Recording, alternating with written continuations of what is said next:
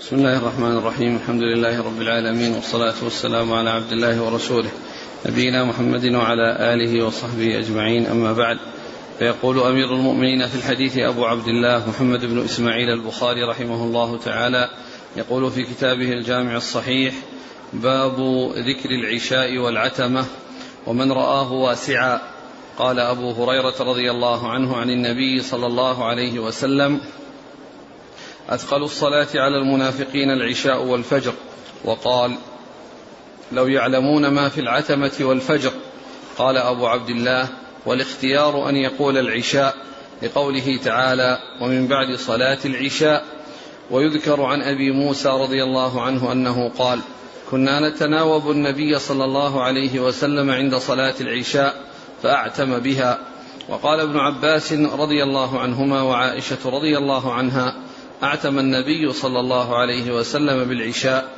وقال بعضهم عن عائشة رضي الله عنها أعتم النبي صلى الله عليه وسلم بالعتمة. وقال جابر رضي الله عنه كان النبي صلى الله عليه وسلم يصلي العشاء. وقال أبو برزة رضي الله عنه كان النبي صلى الله عليه وسلم يؤخر العشاء.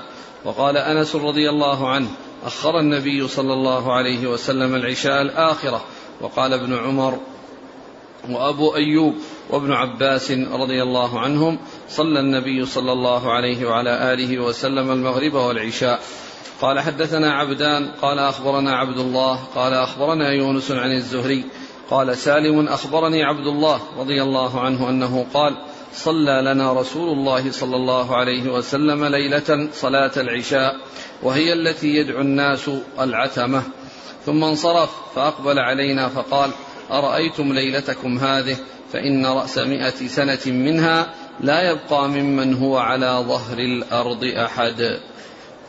بسم الله الرحمن الرحيم. الحمد لله رب العالمين وصلى الله وسلم وبارك على عبده ورسوله نبينا محمد وعلى آله وأصحابه أجمعين. أما بعد فيقول الإمام البخاري رحمه الله باب من قال العشاء والعتمة ومن رآه واسعا. باب ذكر العشاء والعتمة ومن رآه واسعا. باب ذكر العشاء والعتمة ومن رآه واسعا. يعني هذه الترجمة فيها أن العشاء يقال لها العتمة وأن من الناس من يرى أنه لا بأس بأن يقال للعشاء العتمة ولا ينكر ذلك وإن كان الأولى أن يقال لها العشاء دون العتمة. لكن إطلاق العتمة عليها سائغ ولا بأس به. ولكن الأولى والأحسن هو عدم هذا الإطلاق وأن يقال لها العشاء فقط. وهذه الترجمة تخالف الترجمة السابقة التي المغرب يعني يقال لها العشاء لأن لأن تلك يعني آه، جزم بها ولم يقل مثل ما يقل فيها مثل ما قال في في في ال في العشاء بأنها العتمة. وذلك أن المغرب يعني يقول أو غلب يعني في الأعراب يقولون العشاء يقولون العشاء. فلهذا الرسول صلى الله عليه وسلم قال لا تغلبكم الأعراب يعني على صلاتكم يعني يقولون لها العشاء. وذلك أن فيها لبس لأنه إذا أطلق على المغرب العشاء المغرب العشاء قيل إذا أطلق لفظ العشاء على المغرب صار فيه التباس مع مع الثانية التي هي العشاء والتي هذا أصل اسمها أنها العشاء فيكون فيه التباس. وأما بالنسبة للعشاء والعتمة فليس فيه التباس. وأيضا جاءت على على لسان الرسول صلى الله عليه وسلم وعلى ألسنة الصحابة. بخلاف تلك فإنها ما جاءت على على على على لسان الرسول صلى الله عليه وسلم والصحابة وإنما جاءت على ألسنة الأعراب. ألسنة الأعراب.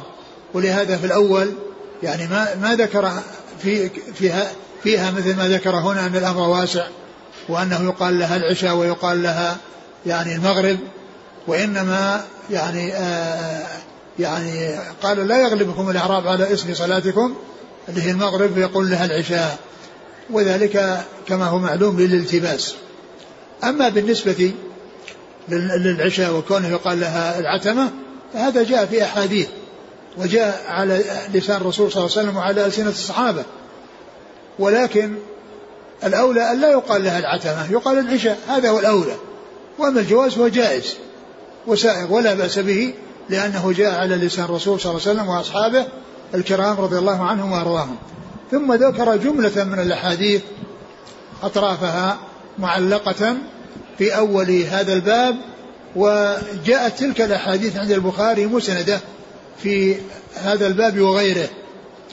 ولكنه جمعها هنا من أجل أن يبين لفظ العتمة وأن أنه جاء لفظ العتمة على لسان الرسول صلى الله عليه وسلم وعلى لسان الصحابة وأنه قال أعتم الصحابة يقول أعتم يعني معناه أنه دخل في العتمة أنه دخل في العتمة أو أنه أخر الصلاة.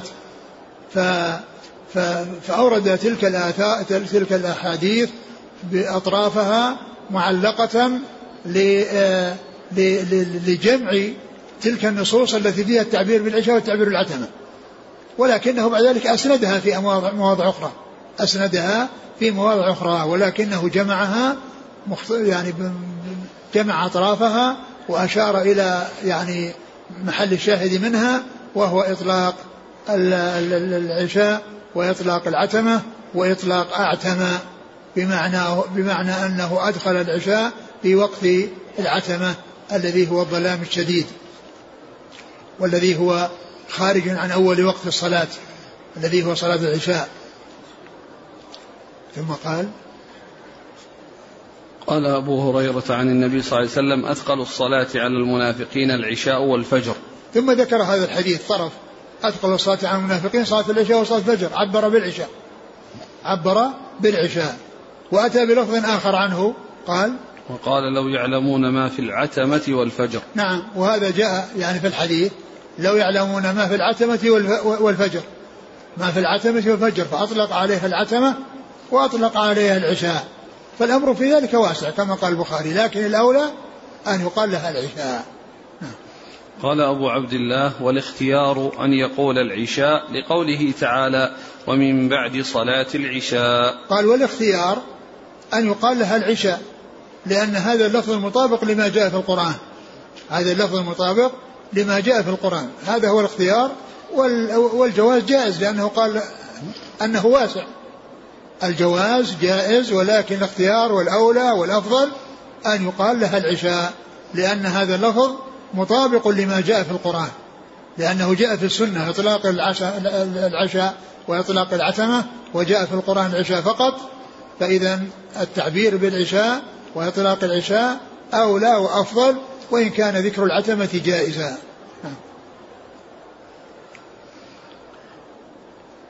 ويذكر عن أبي موسى قال كنا نتناوب النبي صلى الله عليه وسلم عند صلاة العشاء فأعتم بها. ثم ذكر عن أبي موسى أنهم كانوا يتناوبون يعني المجيء إلى النبي عليه الصلاة والسلام والصلاه معه. فيعني لما جاء هو ومن كان معه أعتم بها أخبر قال بأنه أعتم بها. وهنا ذكر هذه الصيغة بصيغة التمريض التي هي يذكر. ومع أن مع أنه أرد الحديث صحيح في البخاري نفس البخاري أرد الحديث نفسه مسندا. وهذا يدلنا على أنه ليس كل ما يأتي بهذه الصيغة يكون ضعيفا بل لكونه اختصره أو رواه بالمعنى. من أجل ذلك أتى بكلمة يذكر. وقد ذكر ذلك الحافظ بن حجر وأن هذا من اصطلاحه وأنه أحيانا يأتي بهذه الصيغة لا للتمريض لا للتضعيف وإنما للإشارة إلى أنه لم يأتي به عن لفظه بل أتى به بالمعنى أو اختصره. فهذا يوضح أنه ليس كل ما جاء عن البخاري مبني للمجهول أنه يكون يعني علامة للتمريض أو التضعيف بل يكون صحيحا ولكنه فعل ذلك لغرض وهو كونه أتى به في المعنى. والمقصود من ذلك قوله أعتم بها. المقصود بقوله أعتم بها. نعم. وقال ابن عباس وأعتم يعني دخل في العتمة. مثل ما يقال أنجد وأغور وأتهم. إذا إذا دخل في في تهامة أو دخل في نجد أو دخل في الغور. نعم. وقال ابن عباس وعائشة أعتم النبي صلى الله عليه وسلم بالعشاء. وقال ابن عباس وعائشة أعتم النبي صلى الله عليه وسلم بالعشاء. عبروا بأعتم أتوا في العشاء وقالوا أعتم بالعشاء. وقال بعضهم عن عائشة أعتم النبي صلى الله عليه وسلم بالعتمة. ولفظ آخر بعضهم قال أعتم النبي صلى الله عليه وسلم بالعتمة. يعني يعني معناها يعني آه، أطلق عليها العتمة أطلق أطلقت عائشة العتمة وقالت يعني أعتم. نعم.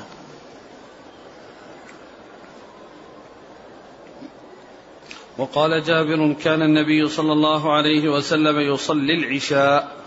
وقال جابر كان النبي يصلي العشاء يعني أتى في العشاء.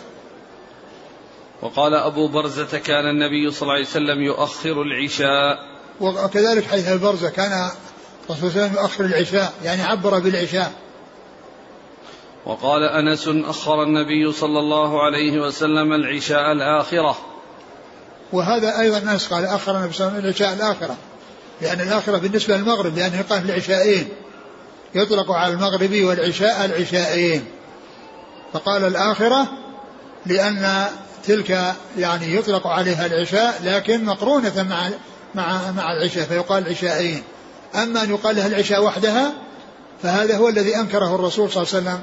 وقال لا تغلبنكم الأعراب على اسم صلاتكم يقولون لها العشاء يقول العشاء وهي المغرب.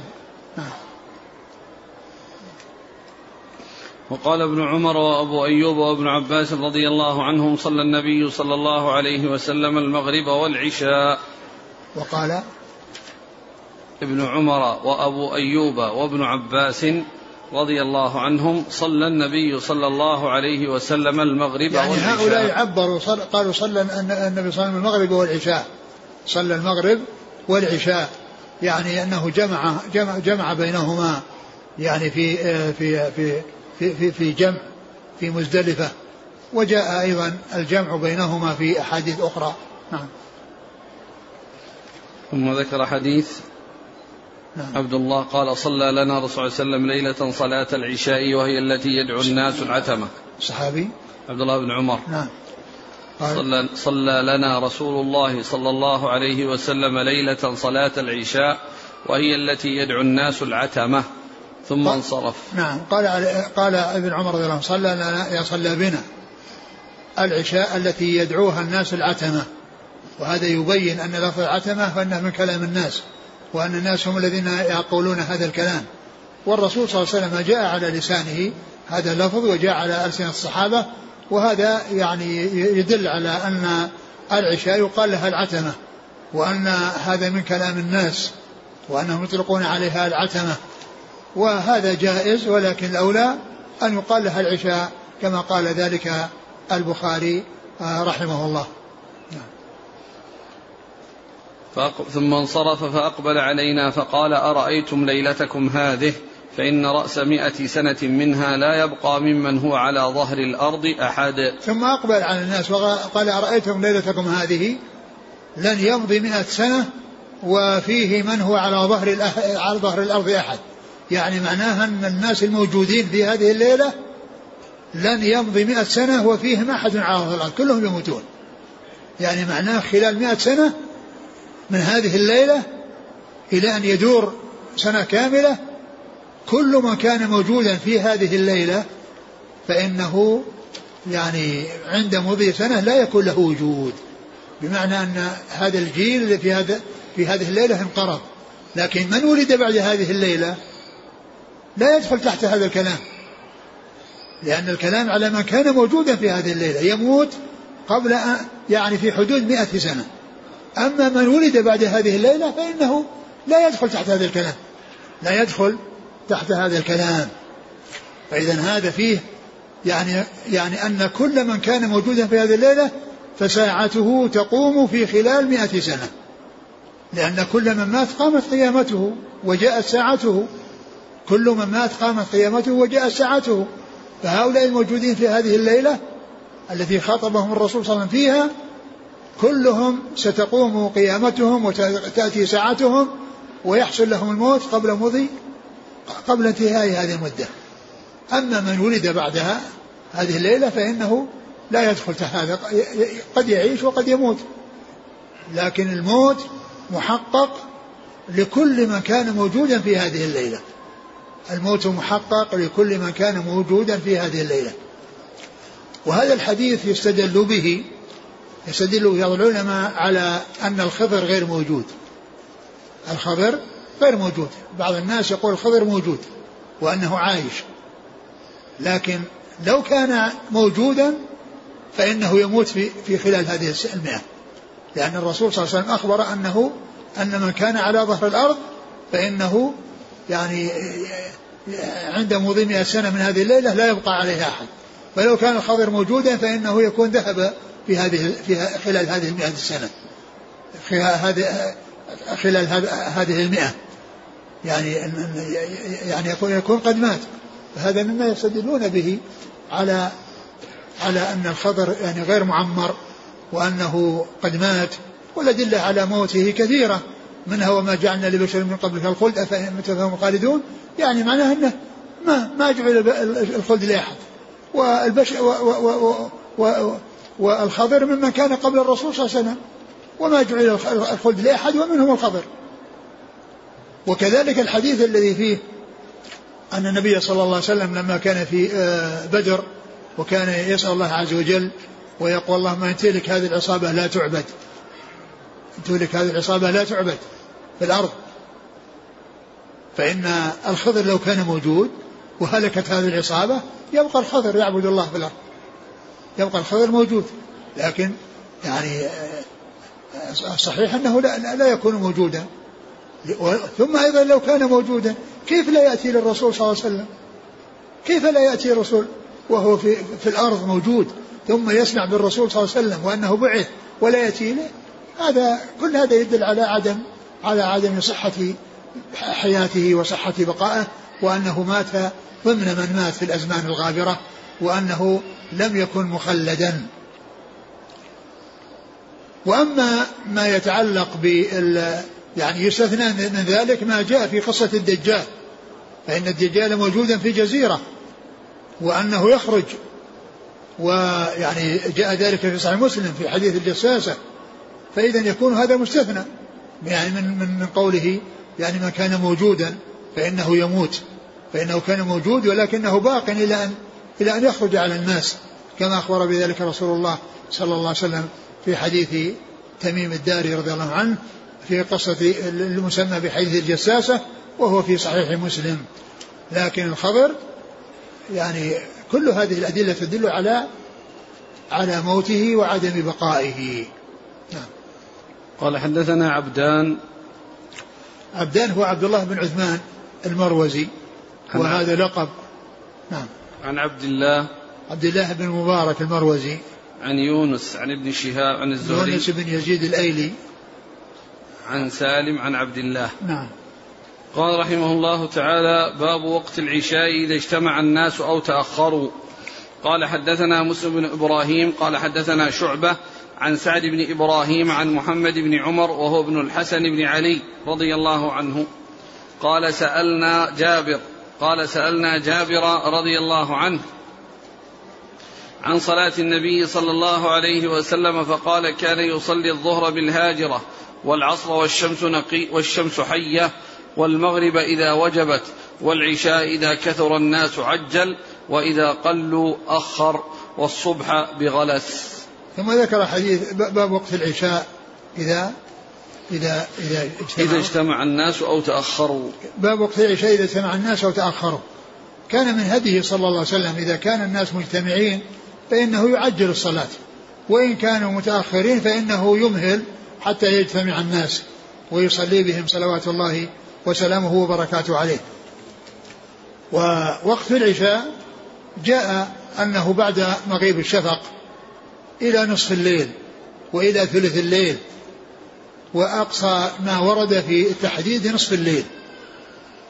وقد آه، جاء يعني في ذلك حديث يذكر المصنف ويعني فيما يتعلق بنصف الليل وأما فيما يتعلق بالشفق فإنه جاء في صحيح مسلم عن عن عن بعض الصحابة ومنهم عبد الله بن عمرو بن العاص رضي الله تعالى عنهما وفيه بيان المواقيت وأن العشاء تكون يعني بدايتها إذا غاب الشفق وهذا يدلنا على أن وقت المغرب ممتد وأنها وأنه متصل بالعشاء وأنه ليس هناك فاصل بين وقت المغرب والعشاء ولهذا تجمع كل واحدة من المغرب والعشاء في وقت إحداهما لأن وقت المغرب كله وقت للعشاء في الجمع ووقت العشاء وقت للمغرب في الجمع فإذا ليس هناك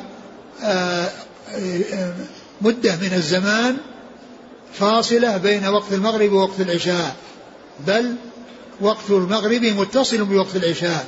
فإذا غاب الشفق خرج وقت المغرب ودخل وقت ودخل وقت العشاء. و يعني وذكر هذا الحديث وحديث عبد الله بن عامر كما قلت فيه تفصيل وتوضيح للصلوات الخمس وبيان أوقاتها وكذلك أيضا في حديث آه، أبي موسى الأشعري وحديث بريدة بن الحصيب في صحيح مسلم فيهما توضيح فيهما توضيح لأوقات الصلوات. توضيح لأوقات الصلوات كل صلاة يذكر بدايتها ونهايتها البداية والنهاية. وقت صلاة العشاء الوقت الاختياري إلى نصف الليل. وأما لوقت الاضطرار ففي خلاف. من أهل العلم من قال إنه يكون إلى طلوع الفجر. ومنهم من يقول إنه ليس هناك يعني آه، آه، وقت للصلاة يعني وقت اضطراري وإنما ينتهي وقتها بنصف الليل. والذين يقولون بأن لها وقت اضطراري يستدلون على ذلك بحديث أبي قتادة في صحيح مسلم قال ليس في النوم تفريط إنما التفريط على من يؤخر الصلاة حتى يأتي وقت الصلاة التي بعدها. إنما التفريط على من يؤخر الصلاة حتى يأتي وقت الصلاة التي بعدها. قالوا فهذا يدل على أن المغرب أن العشاء يعني وقتها الاضطراري يكون بعد نصف الليل إلى طلوع الفجر كما أن العصر وقتها الاختياري يكون إلى غروب الشمس إلى إلى إلى, إلى كون ظل شيء مثليه والاضطراري إلى غروب الشمس. لكن العصر جاء حديثا يبين أن آخر وقتها غروب الشمس وهو حديث من أدرك ركعة من المغرب قبل أن قبل أن تغرب الشمس فقد أدرك الصلاة. فقد أدرك الصلاة. لكن ما جاء حديث فيما يتعلق بالنسبة للفجر للعشاء أن من أدرك كذا أو من وصل كذا فقد أدرك الصلاة وإنما جاء آه هذا الحديث الذي آه ليس في النوم تفريط إنما التفريط على من آه آه يؤخر الصلاة حتى التي بعدها. وقد قال بذلك جمهور أهل العلم بناء على هذا الحديث. قال حدثنا مسلم بن إبراهيم نعم الفراهيدي. عن شعبة نعم. عن سعد بن إبراهيم نعم.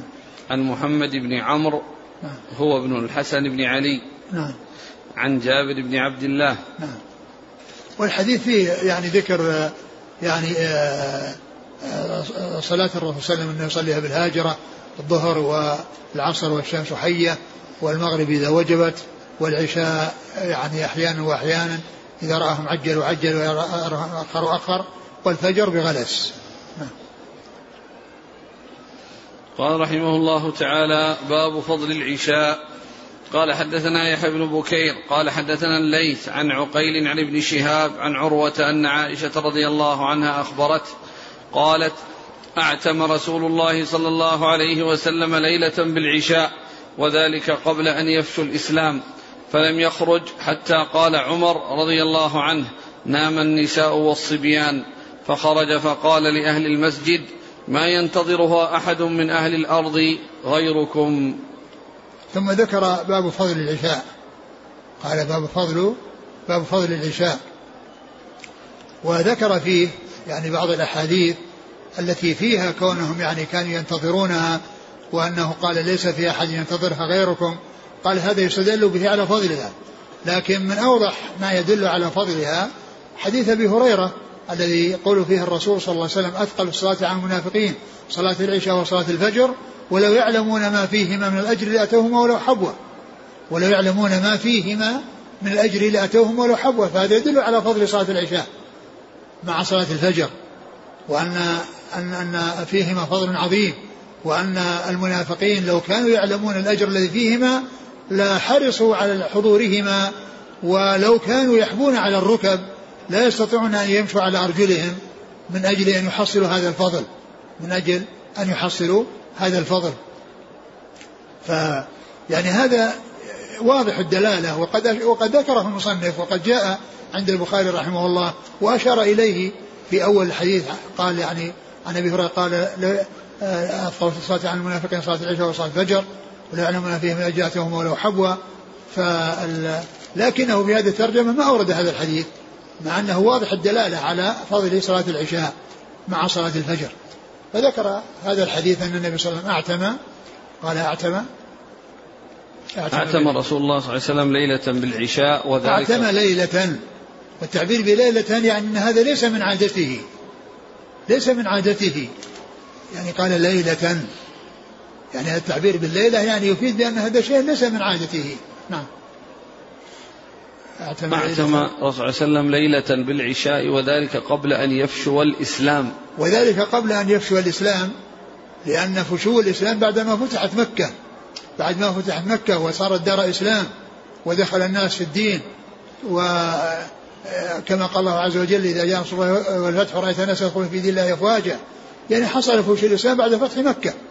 وإلا فإن أنه قبل ذلك كانوا في المدينة ويعني وهو قد فشى في المدينة ويعني آه، وليس هناك أحد يعني ينتظر يعني غيرهم يعني من يعني ممن كان في المدينة من المساجد الأخرى التي الذين لم يصلوا مع مع الرسول صلى الله عليه وسلم فإنهم صلوا وناموا وهؤلاء كانوا ينتظرون فقال إيش؟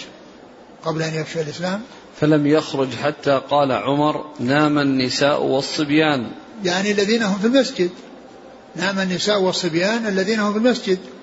و وأما الرجال فإنهم فإنهم أشد جلدا من النساء والصبيان. ولكنه أيضا جاء في بعض الحديث أن بعضهم قد حصل له النوم.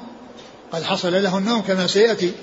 لكن عمر قال نام النساء والصبيان أي الذين حضروا للصلاة. الذين حضروا الصلاة يعني ناموا ف نعم مش قال بعد ذلك؟ نام النساء والصبيان فخرج فقال لأهل المسجد ما ينتظر ما ينتظرها أحد من أهل الأرض غيركم. ما ينتظرها أحد من أهل الأرض غيركم. يعني لأن قال هنا قبل أن يفشو الإسلام. ولكن يعني آه، آه، فيه يعني من أهل الأرض من يكون في المدينة ولكنهم ناموا ولم ينتظروها يعني كما انتظرها هؤلاء الذين معه في مسجده صلى الله عليه وسلم. يعني مثل مسجد قباء ومسجد المساجد الأخرى فإنهم يعني ما كانوا ينتظرون الصلاة وإنما ينتظرها هؤلاء. نعم. قال حدثنا يحيى بن بكير. ومحل الشاهد منه قوله ينتظرها غيركم.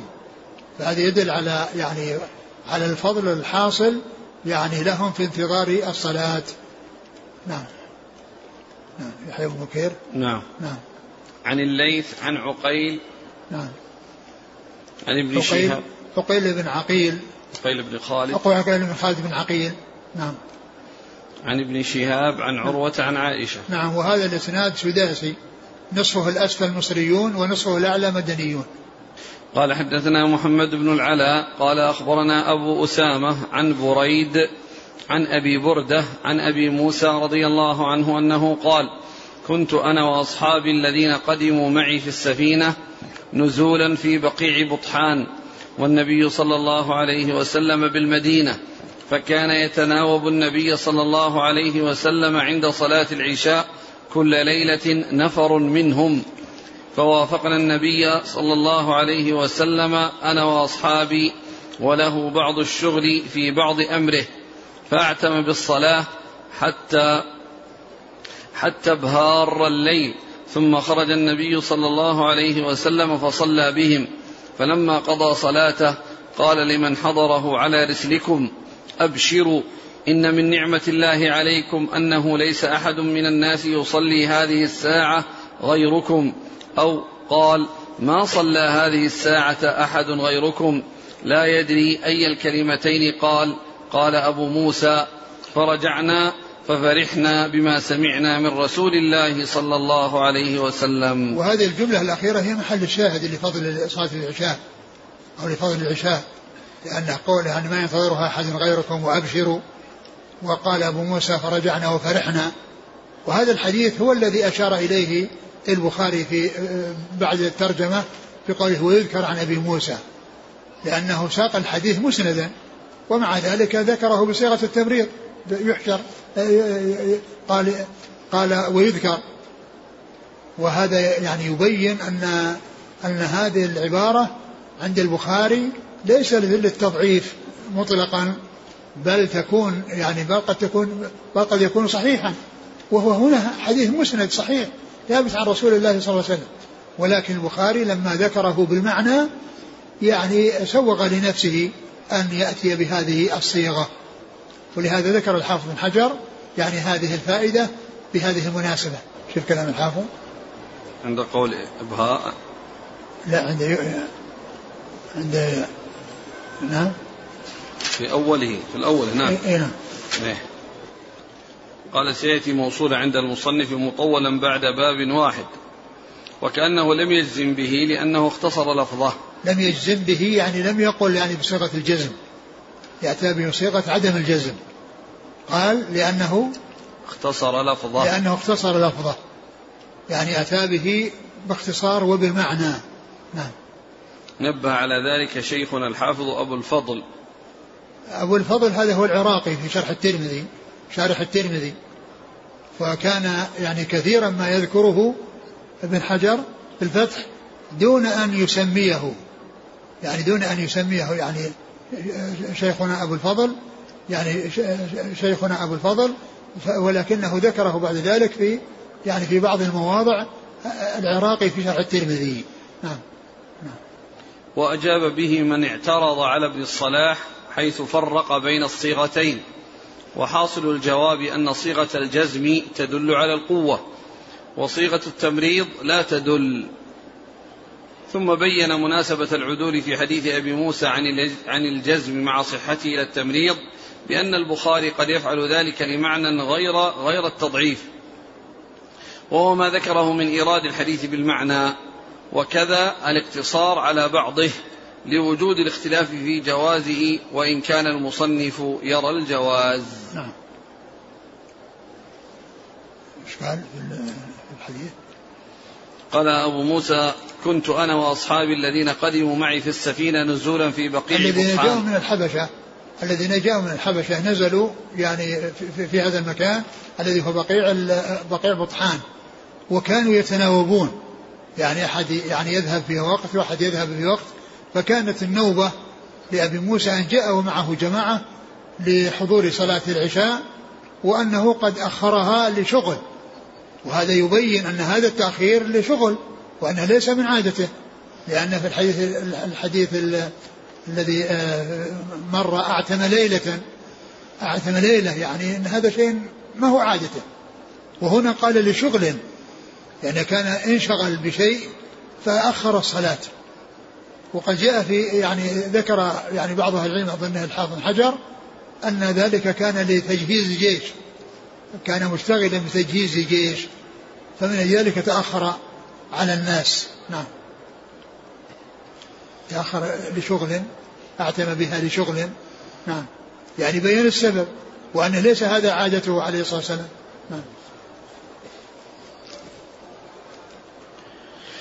قال كنت أنا وأصحابي الذين قدموا معي في السفينة نزولا في بقيع بطحان والنبي صلى الله عليه وسلم بالمدينة فكان يتناوب النبي صلى الله عليه وسلم عند صلاة العشاء كل ليلة نفر منهم. فوافقنا النبي عليه الصلاة والسلام أنا وأصحابي وله بعض الشغل في بعض أمره. فأعتم بالصلاة حتى ابهار الليل. يعني ابهار الليل يعني مضى قسم كبير منه. ثم خرج النبي صلى الله عليه وسلم فصلى بهم. فلما قضى صلاته قال لمن حضره على رسلكم. على رسلكم يعني انتظروا. يعني لا انتظروا حتى يبين لهم الشيء الذي يقول أو الذي أراد أن يقوله لهم صلى الله عليه وسلم. أبشروا إن من نعمة الله عليكم أنه ليس أحد من الناس يصلي هذه الساعة غيركم. أو قال ما صلى هذه الساعة أحد غيركم. ثم أيضا هم ما داموا في انتظار الصلاة فهم في صلاة كما جاء في الحديث. يعني أن الإنسان إذا دخل المسجد وجاء في انتظار الصلاة فهو في صلاة. يعني في في صلاة من حيث الثواب. هو في صلاة من حيث الثواب. يعني يعني يثاب كما يثاب المصلي. وإن كان غير مصليا بالفعل ولا يقال له مصلي لأن لأن مثله يتكلم ويتحدث ويشرب وما إلى ذلك لكنه من يقال له مصلي من حيث الثواب لا من حيث آه، آه، هيئة الصلاة وما يمنع في الصلاة يمنع منه في الصلاة. فإن الذي يجلس في المسجد ينتظر الصلاة لا يمنع من الأشياء التي يمنع منها المصلي.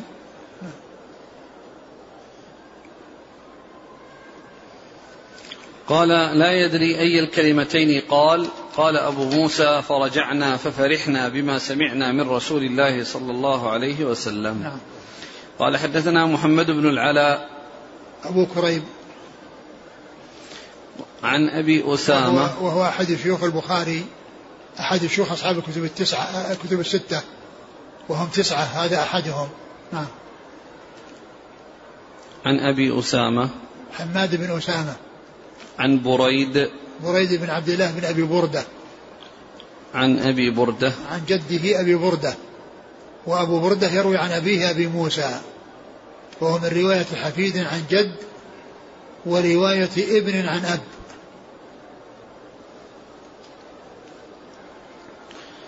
قال رحمه الله تعالى باب ما يكره من النوم قبل العشاء. قال حدثنا محمد بن سلام قال أخبرنا عبد الوهاب الثقفي قال حدثنا خالد الحذاء عن أبي المنهال عن أبي برزة رضي الله عنه أن رسول الله صلى الله عليه وسلم كان يكره النوم قبل العشاء والحديث بعدها. ثم قال ما يكره من النوم قبل صلاة العشاء. وذلك لأنه يؤدي أو قد يؤدي إلى تفويت العشاء. لأن قد يستمر معه النوم فيؤدي إلى تفويتها وقد يخرج الوقت. وقد يخرج الوقت. فلهذا كره النبي صلى الله عليه وسلم النوم قبل العشاء كره النوم قبل العشاء والحديث بعدها. الحديث بعدها في في فيما فيما لا طائل تحته. أما إذا كان في أمر فيه فائدة وفيه مصلحة كما كان النبي صلى الله عليه وسلم هو أبو بكر يعني يسمران يعني في مصالح المسلمين فإن ذلك سائر. ولكن آآ آآ الانشغال يعني ب بالليل وبحيث أن ذلك يؤدي إلى يعني تفويض صلاة الفجر والنوم عن صلاة الفجر فإن ذلك غير سائغ. وحتى لو كان في أمور يعني مشروعة وأمور مطلوبة مثل طلب العلم كل إنسان يشتغل بالعلم يعني في الليل ولكنه يعني ينام ثم تفوت صلاة العشاء صلاة الفجر هذا اشتغال بالنفل عن الفرض. اشتغال بالنفل عن الفرض قد ذكر الحافظ بن حجر عن بعض العلماء أنه قال من اشتغل بالنفل عن الفرض فهو مغرور ومن اشتغل بالفرض عن النفل فهو معذور. من اشتغل بالفرض عن النفل فهو معذور. معذور كونه ما أتى بالنفل لأنه مشتغل بالفرض. لكن من اشتغل بالنفل عن الفرض فهو مغرور. نعم. قال حدثنا محمد بن سلام. و وهذا الكلام الذي قاله الرسول صلى الله عليه وسلم في لئلا يؤدي إلى تفويتها لأن الناس في الغالب في النهار يكدحون ويتعبون فيحتاجون إلى النوم. فإذا ناموا قبل العشاء أدى ذلك إلى استمرار النوم معهم حتى يعني يفوت حتى يفوت وقتها حتى يفوت وقتها. فكره النبي صلى الله عليه وسلم ذلك. لكن من كان بحاجة إلى النوم وعنده من يوقظه أو أنه يعني لا يحصل منه يعني الاستمرار في النوم وعرف من عادته ذلك المهم أن لا تفوته العشاء وأن يصلي العشاء مع الناس. هذا هو المقصود من الكراهية. فإذا كان الإنسان يؤدي به النوم إلى أن يعني تفوته الصلاة مع الجماعة لا شك أن هذا هو الذي يعني غير سائغ.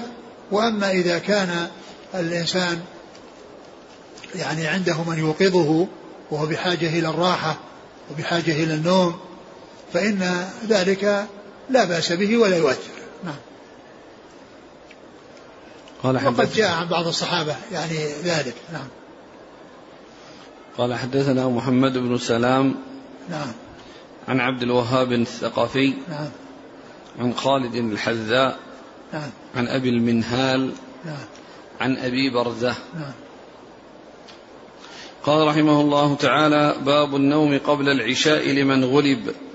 قال حدثنا أيوب بن سليمان قال حدثني أبو بكر عن سليمان عن صالح بن كيسان قال أخبرني ابن شهاب عن عروة أن عائشة رضي الله عنها قالت أعتم رسول الله صلى الله عليه وسلم بالعشاء حتى ناداه عمر الصلاة نام النساء والصبيان فخرج فقال ما ينتظرها أحد من أهل الأرض غيركم قال ولا يصلي يومئذ إلا بالمد ولا يصلى يومئذ إلا بالمدينة وكانوا يصلون فيما بين أن يغيب الشفق إلى ثلث إلى ثلث الليل الأول.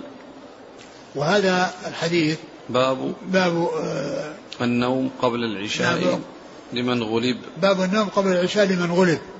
يعني أن هذا النوم حصل يعني آه ليس قصدا وليس رغبة في النوم لأن من الناس من يريد النوم ويرغب فيه ويتجه إليه ومنهم من يأتي من غير اختياره. ومن يأتيه النوم من غير اختياره. والنوم لمن غلب يعني مثل هؤلاء اللي جاءوا في المسجد وكانوا ينتظرون جاءهم النوم. أقول جاءهم النوم وهم ينتظرون العشاء. وهم مغلوبين يعني في في هذا النوم. وليس قصدا منهم أن يناموا وإنما لطول الانتظار وهم وهم بحاجة النوم. جاءهم النعاس. جاءهم النعاس وجاءهم النوم. وليس معنى ذلك أنهم يصلون وقد ناموا لأن من كان جالسا متمكنا فهذا يعني أصحاب الرسول صلى الله عليه وسلم كانوا ينتظرون الصلاة وتخفق رؤوسهم ويقومون ويصلون إذا قمنا الصلاة. أما من نام مضطجعا فإنه يت... فإنه يتعين عليه أن يتوضأ ويمكن أن يكون مكانا منهم كذلك يروح يتوضأ. لا يقال أنهم يعني كانوا ينامون ويضطجعون ثم يصلون بدون أن يتوضأوا لأن من اضطجع فقد تمكن من النوم واستغرق في النوم وقد قال عليه الصلاة والسلام إذا إذا إذا إذا نامت العينان استطرق الوكاء. إذا نامت العينان استطرق الوكاء. أما إذا كان جالسا متمكنا فإن أصحاب الرسول صلى الله عليه وسلم كانوا يجلسون في الصف وكانت تخفق رؤوسهم. والذي هو جالس إذا جاءه النوم خوق رأسه صحى. بخلاف اللي مضطجع فهذا يستمر في النوم ويستغرق في النوم. وأما الجالس عندما يخفق رأسه ينتبه. ينتبه يعني بهذه الخفقة فيعود إلى الصحو. ف فهؤلاء الذين قال عنهم ناموا يعني ليس المقصود من ذلك أنهم يصلون بدون وضوء وأنهم يعني ينتقض وضوءهم ولا يصلون ويصلون وإنما إما أن يكون هذا النوم عن جلوس وهو لا يؤثر وإما أن يكون عن اضطجاع وهو يؤثر ومع ذلك لا يقال أنهم يصلون وهم نائمون مضطجعين بل يقومون ويتوضؤون ولم ينقل ولم ينقل للعلم به لأن من كان مضطجعا ف فإن فإنه مظنة الحدث وعليه أن يتوضأ. أقرأ الحديث. قالت عن عائشة رضي الله عنها قالت أعتم رسول الله صلى الله عليه وسلم بالعشاء حتى ناداه عمر الصلاة نام النساء والصبيان فخرج فقال ما ينتظرها أحد من أهل الأرض غيركم؟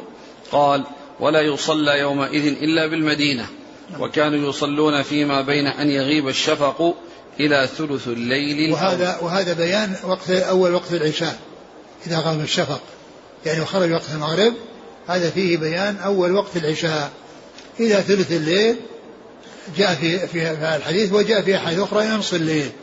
فإذا أقصى ما ورد في في وقت العشاء النص على نصف الليل. ولا ينافي يعني ذكر العشاء ذكر نصف الليل ذكر لأن أحيانا يصير نصف ثلث الليل وأحيانا يكون نصف الليل.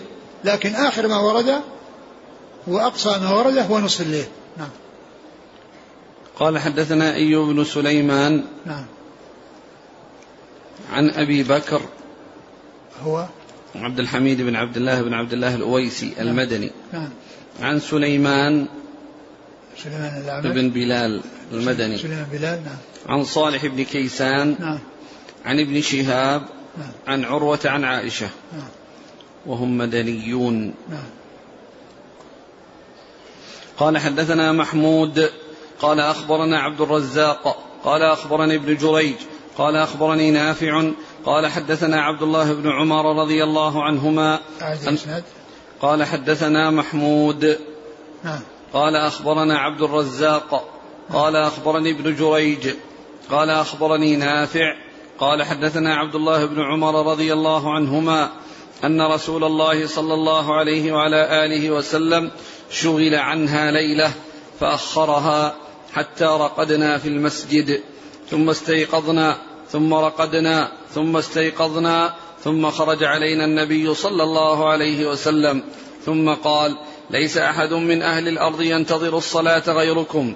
وكان ابن عمر لا يبالي أقدمها أم أخرها؟ إذا كان لا يخشى أن يغلبه النوم عن وقتها. وكان يرقد قبلها.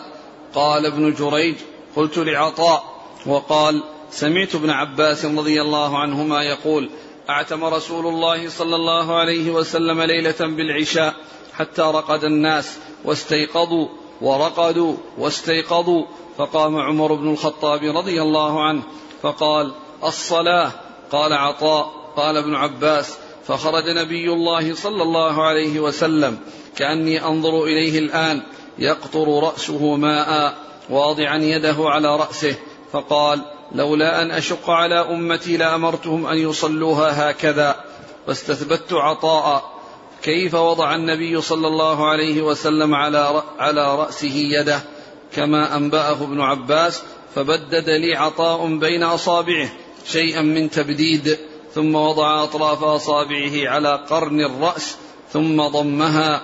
يمرها يمرها كذلك على الرأس.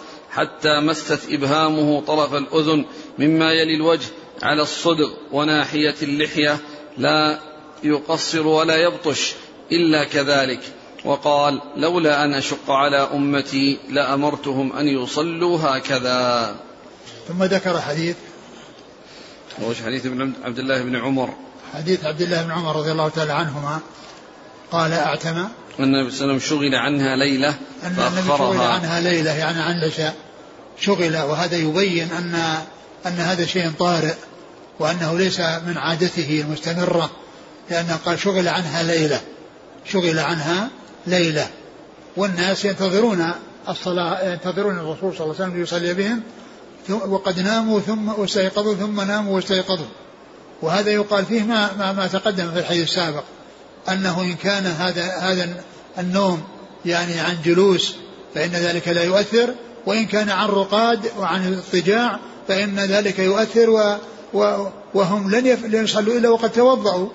لن يصلوا إلا وقد توضأوا لأنه لا يصلي ال- ال- النائم يعني عندما يقوم من نومه يصلي لأن النوم مظنة الحدث. إلا إذا كان الانسان متمكن فإن هذا لا يؤثر. فإذا هذا الذي حصل للنساء والصبيان أيضا جاء مثله في حق الرجال.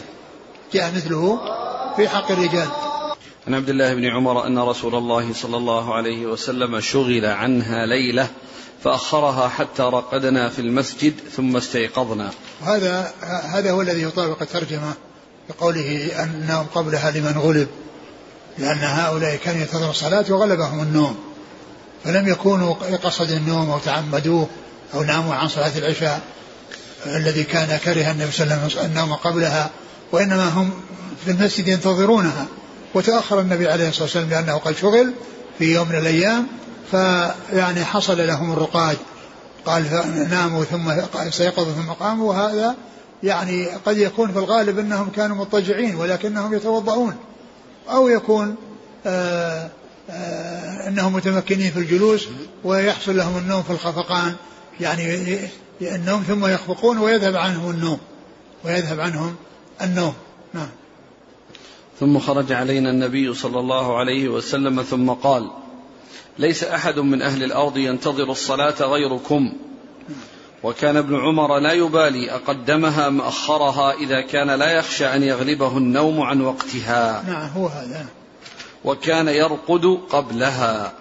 نعم وكان يرقد قبلها يعني ولكنه لا يعني تفوته الصلاة بسبب النوم إما أن يكون يجعل من يوقظه أو أنه آه، من عادته أنه ينام قليلا ثم يقوم من نفسه. نعم.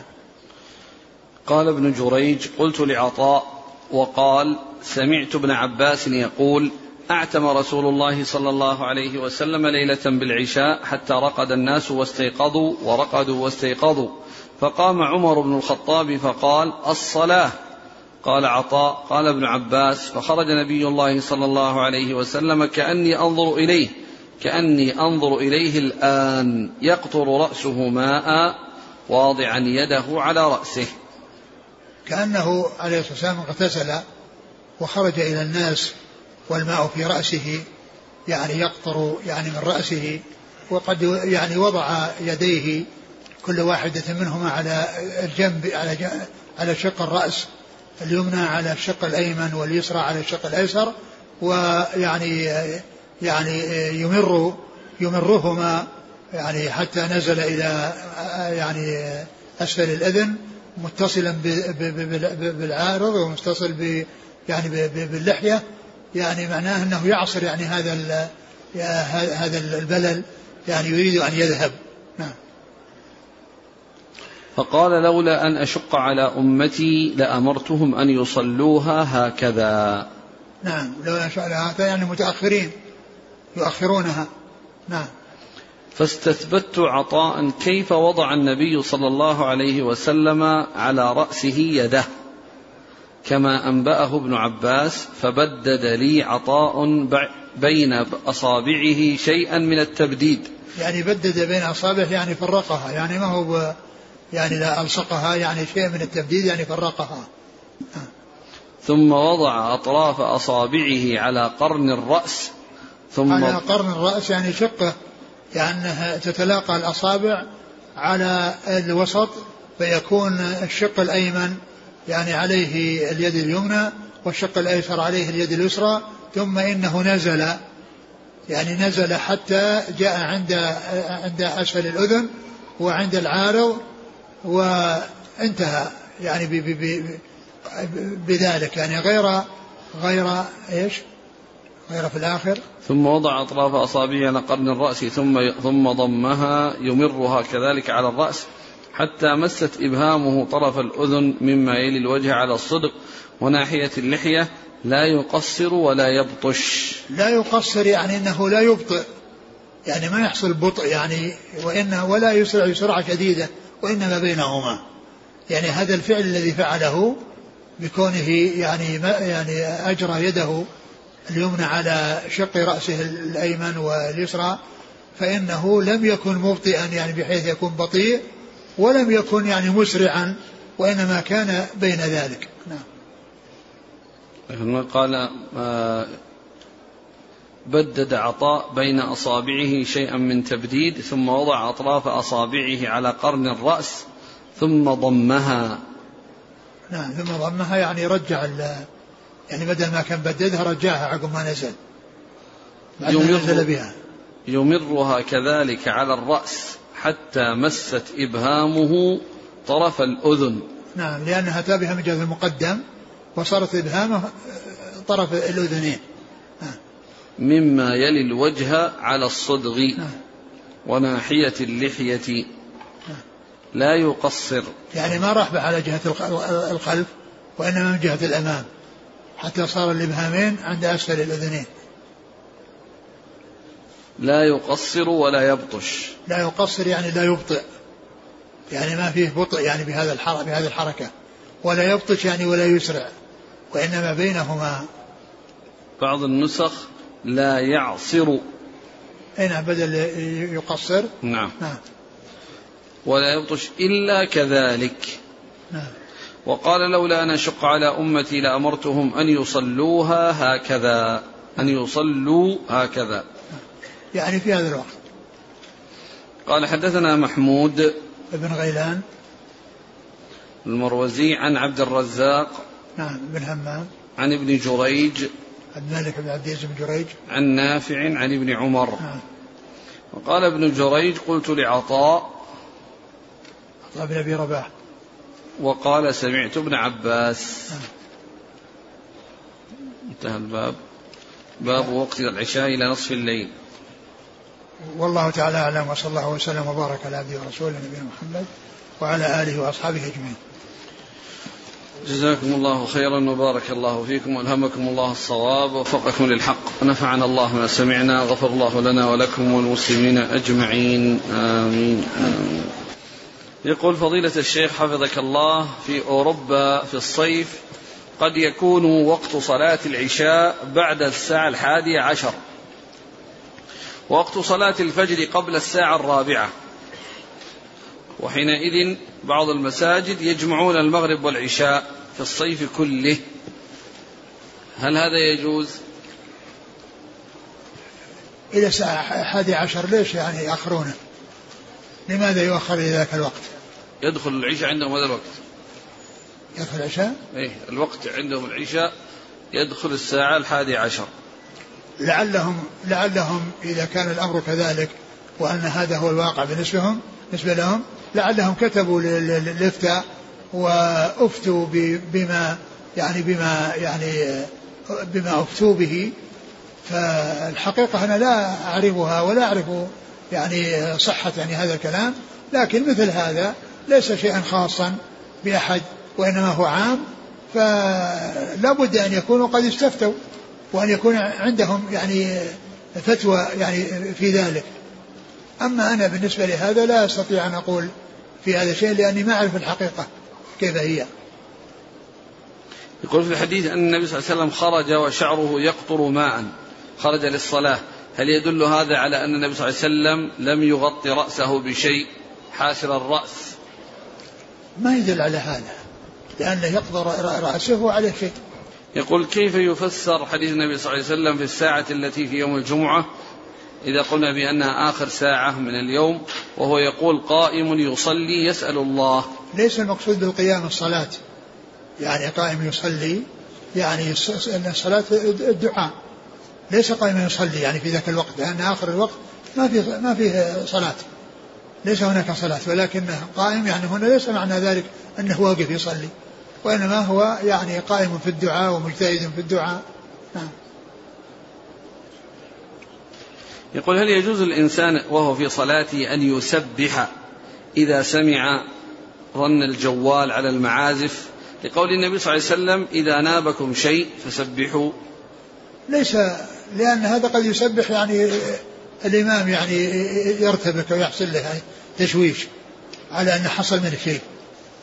أقول لا يصلح وإنما مثل هذا